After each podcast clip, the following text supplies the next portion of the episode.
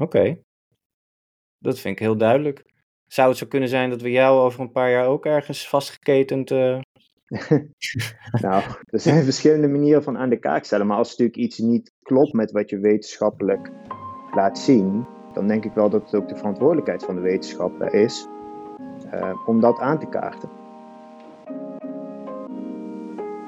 Je luistert naar Schitterend Doemscenario, de podcast. Mijn naam is Dennis Storm en voor mijn nieuwe boek probeer ik een antwoord te geven op de vraag: hoe ziet de toekomst van onze manier van leven, onze maatschappij en onze planeet eruit? Voor Schitterend Doemscenario een tal van gesprekken gevoerd met allerlei wetenschappers en experts en ik neem jullie graag mee in deze gesprekken. Want wat is er nou allemaal echt aan de hand? Hoe mooi of juist hoe verschrikkelijk kan onze toekomst er wel of juist niet uit gaan zien? En niet onbelangrijk. Hoe denken de wetenschappers zelf dat het met ons en onze planeet af gaat lopen? Vandaag het tweede deel van het gesprek met Bram Mazakkers, wetenschapper bij het ESRON, het Nederlands Instituut voor Ruimteonderzoek. We praten verder over methaan en in het bijzonder methaanlekken, die door Bram wereldwijd worden opgespoord. En we krijgen een antwoord op de vraag: hoe ziet wetenschapper Bram Mazakkers de toekomst voor zich? Gekeken naar die die methaanuitstoot en dan met name de opvallende, even heel simpel gezegd weer, de lekken wereldwijd. Dus globaal, wat, wat lekt er weg op een dag of in een uur of in een jaar? Oh, de totale methaanuitstoot of, of de lekken die wij zien? Want dat zijn twee verschillende dingen. Nee, wat jullie zien aan wat niet primair bijvoorbeeld voor, voor gas- en olieindustrie gebruikt wordt, maar wat dus mhm. gaat om vuilnisbelten, om lekken, om, om andere taferelen die opvallen en waar we wat aan zouden kunnen doen? Ja, dus ik denk dat we nog niet iedere dag een volledig beeld hebben van alles wat we vanuit de ruimte kunnen zien. Uh, en dat komt omdat we eigenlijk nu een combinatie van instrumenten gebruiken. Dus met Tropomi zien we de hele wereld. En wat we daarmee kunnen detecteren is ongeveer 3% van de totale uitstoot. De door de mens veroorzaakte uitstoot. Maar we zien als we gaan inzoomen met die andere instrumenten, uh, wat we dus ook doen op basis van waar we veel zien met Tropomi, uh, dat we dan veel meer kunnen zien. Uh, dat je in sommige gebieden ziet dat je zeg, zeg 40% van de totale uitstoot terug kunt voeren op die grote bronnen. dus het volledige beeld daar hebben we denk ik nog niet helemaal. Nogmaals, het is snel bewegen, maar nog relatief nieuw gebied. Maar het, zeker lokaal kan dat een groot gedeelte zijn van wat we in beeld kunnen brengen. Is dat dan, uh, dat heb ik je ergens, uh, nou niet horen zeggen, maar gelezen dat je dat uh, gezegd hebt. Is dat dan het laaghangende fruit in de strijd tegen klimaatverandering? Ja, dus ik denk laaghangend fruit kun je in verschillende uh, manieren zien. Aan de ene kant is het van methaan kunnen we snel veel impact hebben, omdat er een aantal dingen zijn die we weten dat we kunnen doen en het veel impact heeft. En binnen methaan zijn die hele grote lekken in de olie- en gasindustrie natuurlijk het meest laaghangende fruit. Als je denkt aan zo'n afvakkelinstallatie die niet afvakkelt, ja, dan is het opnieuw ontsteken van zo'n ding. Is natuurlijk wel een hele makkelijke manier om die totale uitstoot terug te dringen. Dus dat is van het laaghangende fruit dan het laagst hangende fruit in die zin. Die schakels zijn wel interessant omdat dat dan zo van jou te horen. Dus jullie doen het onderzoek. Nou, dan kom je er bijvoorbeeld achter dat zo'n afvakkelinstallatie eh, niet staat af te fakkelen. En dan is het dus eigenlijk aan de Verenigde Naties om met dat bedrijf in gesprek te gaan. Begrijp ik dan dus ook goed dat de Verenigde Naties, en ik snap dat jij daar helemaal niets aan kunt doen hoor, maar begrijp dan ook goed dat de Verenigde Naties dus niet dat bedrijf kan opdragen om het binnen 24 uur, bij wijze van spreken, te, te herstellen? Ze kunnen alleen maar advies geven. Ja, het is, het is een kwestie van informeren, waarbij uiteindelijk ook die lekken wel publiek worden gemaakt. En ik denk ook dat je ziet, bijvoorbeeld doordat landen zich committeren aan die Global Methane Pledge, uh, dat daar echt wel meer internationale druk op gaat komen, dat dat soort dingen opgelost moeten worden.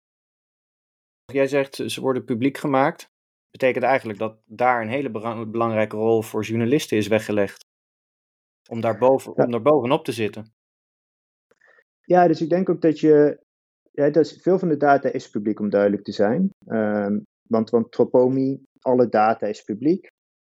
Wat wij detecteren aan pluimen, zetten we ook iedere week op de website. Uh, veel van die hoge resolutiedata uh, wordt ook steeds meer publiek en er komen ook nog extra satellieten aan. En ik denk ook dat een aantal journalisten hebben geschreven over die detecties en dat dat ook wel impact heeft gehad. Uh, er is een hele reeks aan artikelen van Bloomberg, um, die dan naar bepaalde lekken hebben gekeken. er is bijvoorbeeld een artikel geweest in The Guardian, ehm, wat ook deels is gebaseerd op werk wat wij gepubliceerd hebben. Um, en ik denk dat dat zeker ook een impact heeft gehad uh, op dat een aantal landen nu hè, daar meer focus op leggen.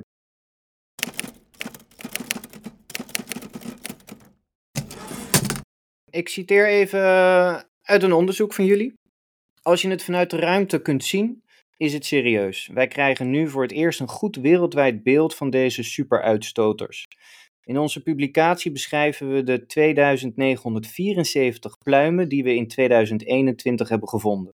45% daarvan komen van de olie- en gasindustrie, maar we zien ook pluimen van stedelijke gebieden, 35%. En kolenmijnen, 20%. Wij detecteren door de mens veroorzaakte uitstoot met een klimaatimpact die aanzienlijk groter is dan die van heel Nederland. En in veel gevallen zijn die lekken eenvoudig te dichten.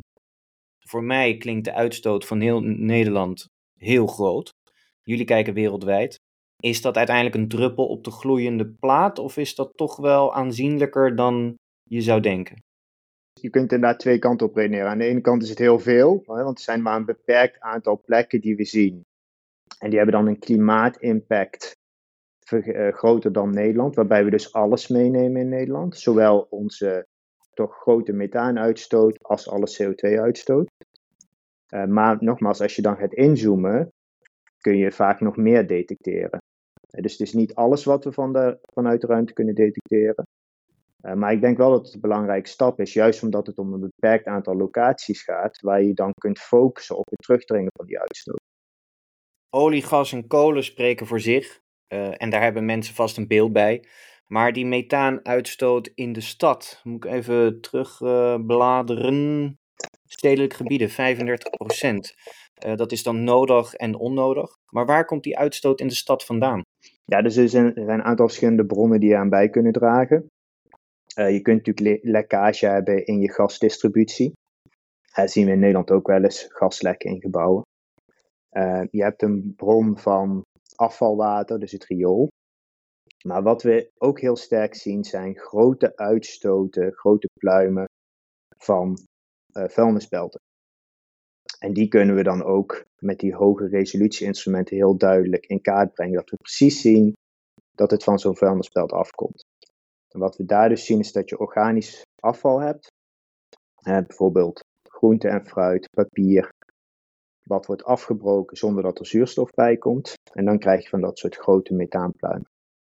Je zegt het nu en dan wil ik er eigenlijk gelijk op door. En dan citeer ik weer uit jullie onderzoek, um, het onderzoek naar afvalverwerking. Afvalverwerking is verantwoordelijk voor ongeveer 18% van de wereldwijde menselijke methaanuitstoot. Een groot deel daarvan komt van een klein aantal vuilnisbelten, wat ze tot belangrijke mitigatiedoelen maakt. 18%, uh, dat is nogal wat. Zeker, dat is een grote bron. Daar zit dus ook uh, riool bij dus als je puur naar de vuilnisbelten kijkt, zo'n ongeveer 12%. Uh, maar dat maakt dit zeker een van de bronnen waar we ook uh, actie op moeten ondernemen, omdat dat gewoon een groot gedeelte van de uitstoot is. We hebben toch wel een idee van het riool, dat het allemaal, dat afvalwater van, van onze wc's en bad, et cetera, gaat netjes naar een centrale die we her en der, om, ja, bijvoorbeeld in Nederland hebben, dat gaat daar naartoe, dat wordt gezuiverd. Maar daar komt dus ook nog wel best wel wat vervuiling bij kijken. Ja, het verschilt erg van land tot land hoeveel dat is. Dus je hebt ook daar dat als er situaties ontstaan dat er weinig zuurstof bij organisch afval komt, dat je daar uitstoot van krijgt. Dus, dus eigenlijk is het al het uh, afval, waterafvalverwerking. Um, en een deel daarvan wordt ook niet verwerkt, zoals in Nederland, waar dan ook uitstoot mee gepaard gaat. Je noemde de afvalbergen. Daar mhm. kwamen we op omdat we het hadden over de, de, de uitstoot in de steden. Ik denk dat als jullie met de satelliet kijken, dat Zuidoost-Azië of misschien Azië als geheel, komt dat dan wel goed naar voren als uh, methaanuitstoot vanaf landfills? Of is dat wereldwijd een probleem? Ja, het is wereldwijd zien we grote uitstoot. Uh, eigenlijk over alle continenten.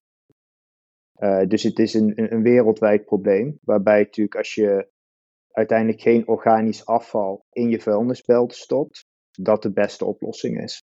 Dus daardoor zien we in een aantal landen een stuk minder, omdat daar minder organisch afval in die vuilnisbelt terechtkomt. Maar we zien bijvoorbeeld grote uitstoot inderdaad in Azië, in India. En maar ook bijvoorbeeld uh, nabij Madrid in Europa, Buenos Aires in Zuid-Amerika, Verenigde Staten ook een aantal.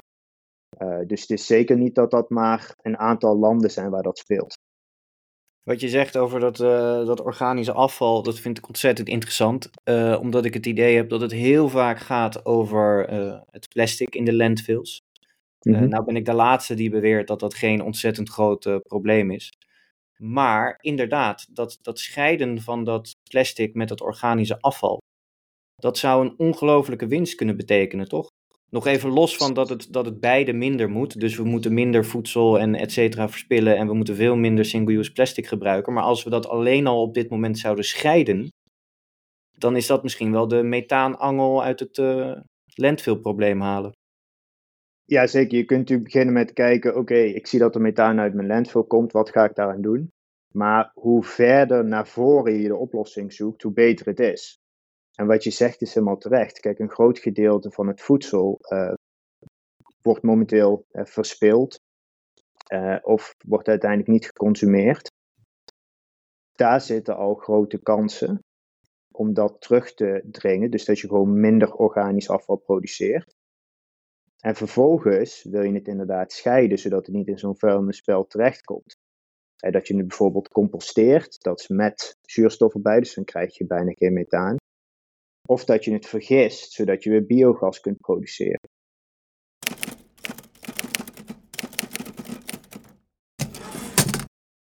Het methaanprobleem ja, is dus ook weer inherent aan het, aan het simpele feit dat we heel veel voedselverspilling hebben. Draagt daar zeker aan bij, ja. Ja, dus alles staat weer met elkaar in, in verbinding. Het paradepaardje, op een negatieve manier, van veel activisten is de bio-industrie. Daar komt ook veel methaan bij kijken. Eh, zonder de veestapel te verkleinen, is daar winst te behalen? Ik denk dat er een aantal dingen zijn die kunnen worden gedaan buiten het verkleinen van de veestapel. Um, ik denk, zeker als je naar de, de consumptie van vlees kijkt, dat je ook gewoon moet kijken dat het minder kan.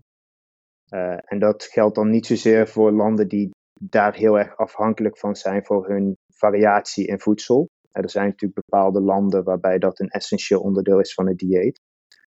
Um, maar in veel van de westerse wereld denk ik dat het echt wel minder kan. Uh, daarnaast zie je ook op deze kop wel beweging in wat, wat er gedaan kan worden, waar naar wordt gekeken. Uh, dan moet je denken aan het, het slimmer omgaan met uitwerpselen van dieren. En er wordt gekeken naar, naar voedsel, wat dan die methaanuitstoot kan reduceren of bijvoorbeeld een methaanvaccin. Maar uiteindelijk, ja, zo, zo groot als de veestapel nu is, eh, dat lijkt me lastig vol te houden. Als je, als je puur naar uitstoot kijkt, is de veestapel die we nu wereldwijd hebben, is dat haalbaar op de lange termijn? Nou, niet met de uitstoot die er nu mee gepaard gaat. Nee. Um, kijk, als je kijkt naar, naar veeteelt, is dat ongeveer 30% van de, de totale methaanuitstoot uh, die door de mens veroorzaakt wordt. Uh, dat is natuurlijk gewoon een heel groot gedeelte, waarbij je serieus moet kijken naar ook alternatieven uh, voor, voor die veestapel. Kun jij wat alternatieven noemen? Waar zouden we naar moeten kijken? Nou, ik denk dat je ook alternatieven in de winkel ziet liggen, momenteel al dus dat is natuurlijk iets wat je, waar je denk ik ook als individu uh, een positieve impact kunt hebben door in ieder geval te minderen in het eten van vlees bijvoorbeeld.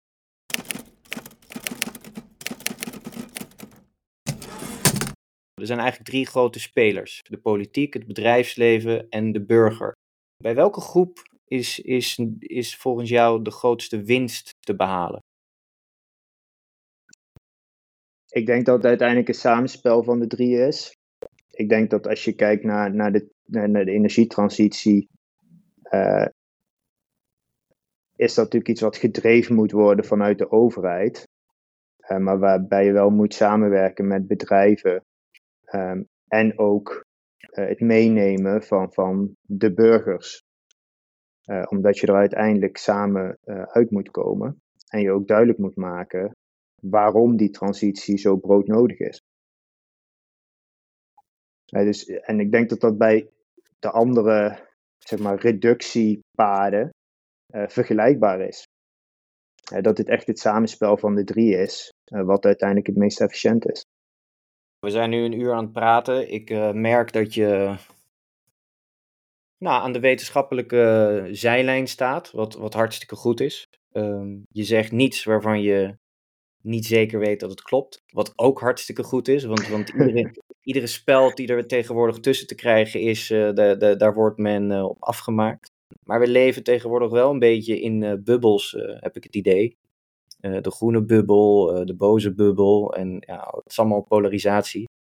En je hoort wel vaak, de beweging groeit en 80% van de mensen maakt zich wel degelijk zorgen om het milieu. Maar ja, als je dan ook weer naar de verkiezingen kijkt. Is de maatschappij naar jouw mening vanaf de zijkant, vanaf de wetenschappelijke zijkant, voldoende op de hoogte van alles wat er aan de hand is?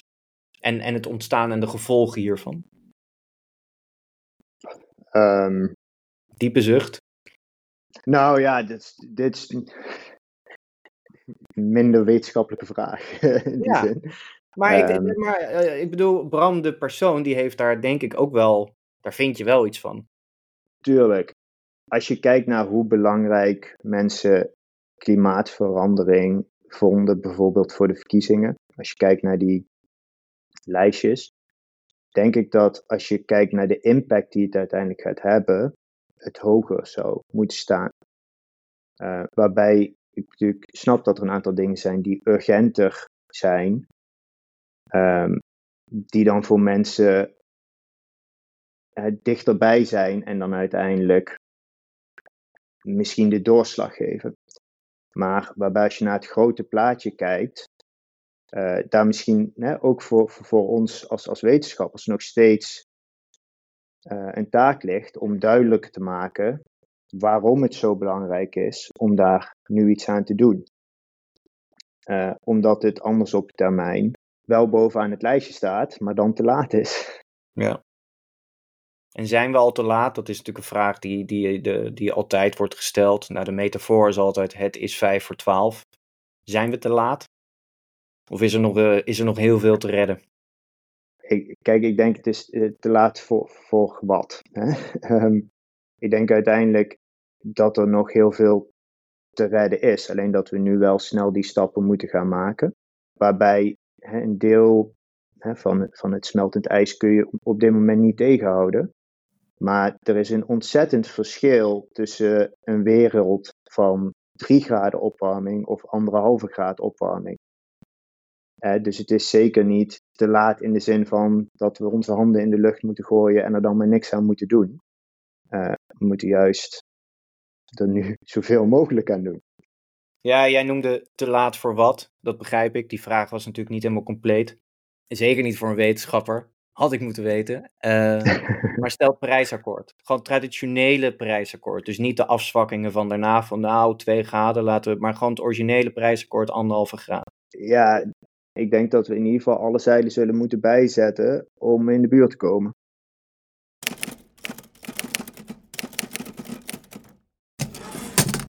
Ken jij uh, Peter Kalmes? Nee, die ken ik niet. Ik heb een fragmentje van hem. Hij werkt voor NASA, hij wetenschapper voor NASA. En hij was zo kwaad dat ze al decennia proberen om uh, de mens duidelijk te maken dat er heel veel moet gebeuren. En dat het niet gebeurt. En toen kwamen de cijfers naar buiten dat uh, nou, hoeveel geld de banken wel niet uh, in de fossiele industrie hebben gepompt de afgelopen jaren. En dat dat alleen maar meer wordt. Heeft hij zich geboeid aan een Chase Morgan filiaal. This NASA scientist was arrested for locking himself to a Chase bank. We've been trying to warn you guys for so many decades that we're heading towards a catastrophe. And we've been being ignored. The scientists in the world have been being ignored. And it's got to stop. We're going to lose everything. About 20 minutes from now. Nou, de, de quote die wereldwijd ging was: We've been trying to tell you for so many years we are heading for a fucking catastrophe. Waarbij je dus een, een hele, hele emotionele kant van een wetenschapper zag. Denk je dat dat goed is? Of denk je dat wetenschappers, traditioneel wetenschappers, uh, moeten blijven en zich puur de feiten, de cijfers en de publicaties moeten houden? Ik denk dat de basis van wat wij doen de wetenschap moet zijn, dus de, de data en uh, de cijfers en de publicaties. Maar ik denk wel dat wij outreach moeten doen naar andere partijen, dat er iets gebeurt met die data, uit moeten leggen wat dat betekent. En als de politiek niet handelt in lijn met de wetenschappelijke resultaten, dat we dat dan ook aan de kaak moeten stellen. Oké, dat vind ik heel duidelijk. Zou het zo kunnen zijn dat we jou over een paar jaar ook ergens vastgeketend. Uh... nou, er zijn verschillende manieren van aan de kaak stellen. Maar als natuurlijk iets niet klopt met wat je wetenschappelijk laat zien, dan denk ik wel dat het ook de verantwoordelijkheid van de wetenschapper is uh, om dat aan te kaarten. Ja, nee, eh, helemaal eens. Hartstikke goed. Of ik me dan aan een filiaal vast ga ketenen, dat uh, Moet je nog kan even ik me moeilijker nadenken. voorstellen als ik eerlijk ben.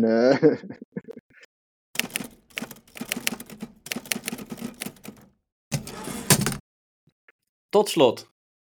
Je hebt morgen eh, heb je een diner met eh, de belangrijkste beleidsmakers eh, op deze aardbol. En ze hangen een uur lang aan je lippen. En zij vragen jou, "W- wat moeten we nou doen? Wat is nou het eerste wat wij misschien wel systematisch moeten veranderen? Uiteindelijk gaat het om het bredere plaatje. En denk ik dat, zoals vaak met klimaatverandering, het uiteindelijk zo is dat we al die verschillende dingen moeten doen. Dat het niet één ding is wat het in zich heel gaat oplossen. Maar uiteindelijk is het stoppen met fossiele brandstof op de lange termijn natuurlijk het belangrijkste onderdeel van het pakket aan klimaatmaatregelen. Je zegt niet zomaar iets.